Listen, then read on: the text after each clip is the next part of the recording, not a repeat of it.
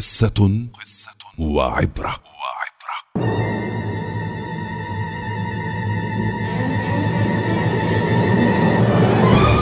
يحكى أن رجلا فقيرا كان دائم التشكي يصول ويجول كل يوم في بلاده يتأفف.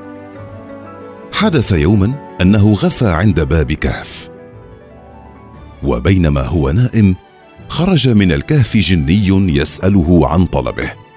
في البداية ارتاع الرجل منه ثم ساله أن يرسل له كنزا ثمينا يغنيه طوال العمر ويريحه من التعب اليومي.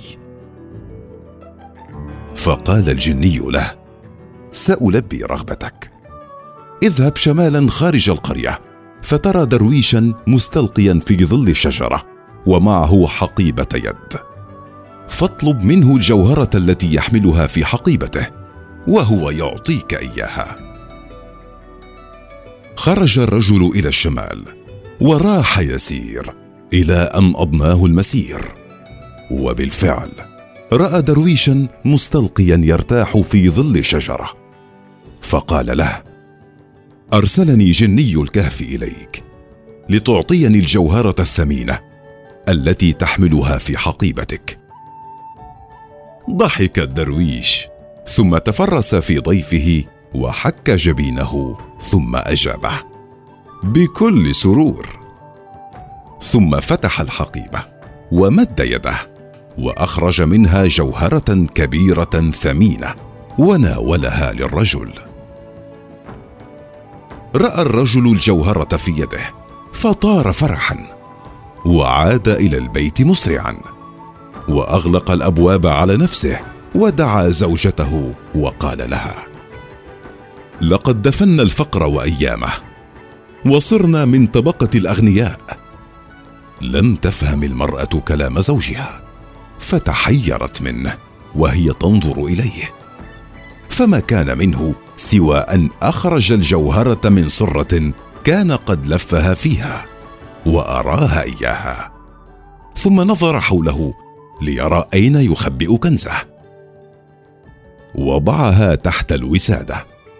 فخاف أن يعثر عليها السارقون. تلبك ولم يعرف ماذا يفعل بها. فأخذها ثم خبأها في الخزانة. لكنه خاف عليها من الأولاد. فخرج إلى الحديقه وحفر لها حفرة طمرها فيها. لكنه سرعان ما أتته هواجس غريبة. فخاف من عابري طريق فعاد ونبشها. وبقي طوال الليل يغير مكان كنزه فلم يذق طعم النوم.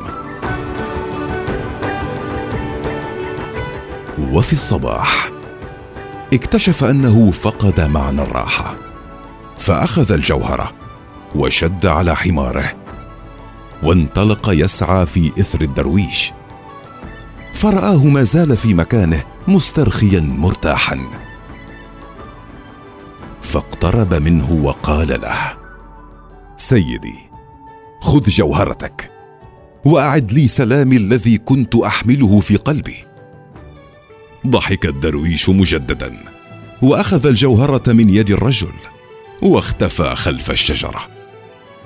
عاد الرجل أدراجه فرحا ونام بهدوء ما تبقى من عمره.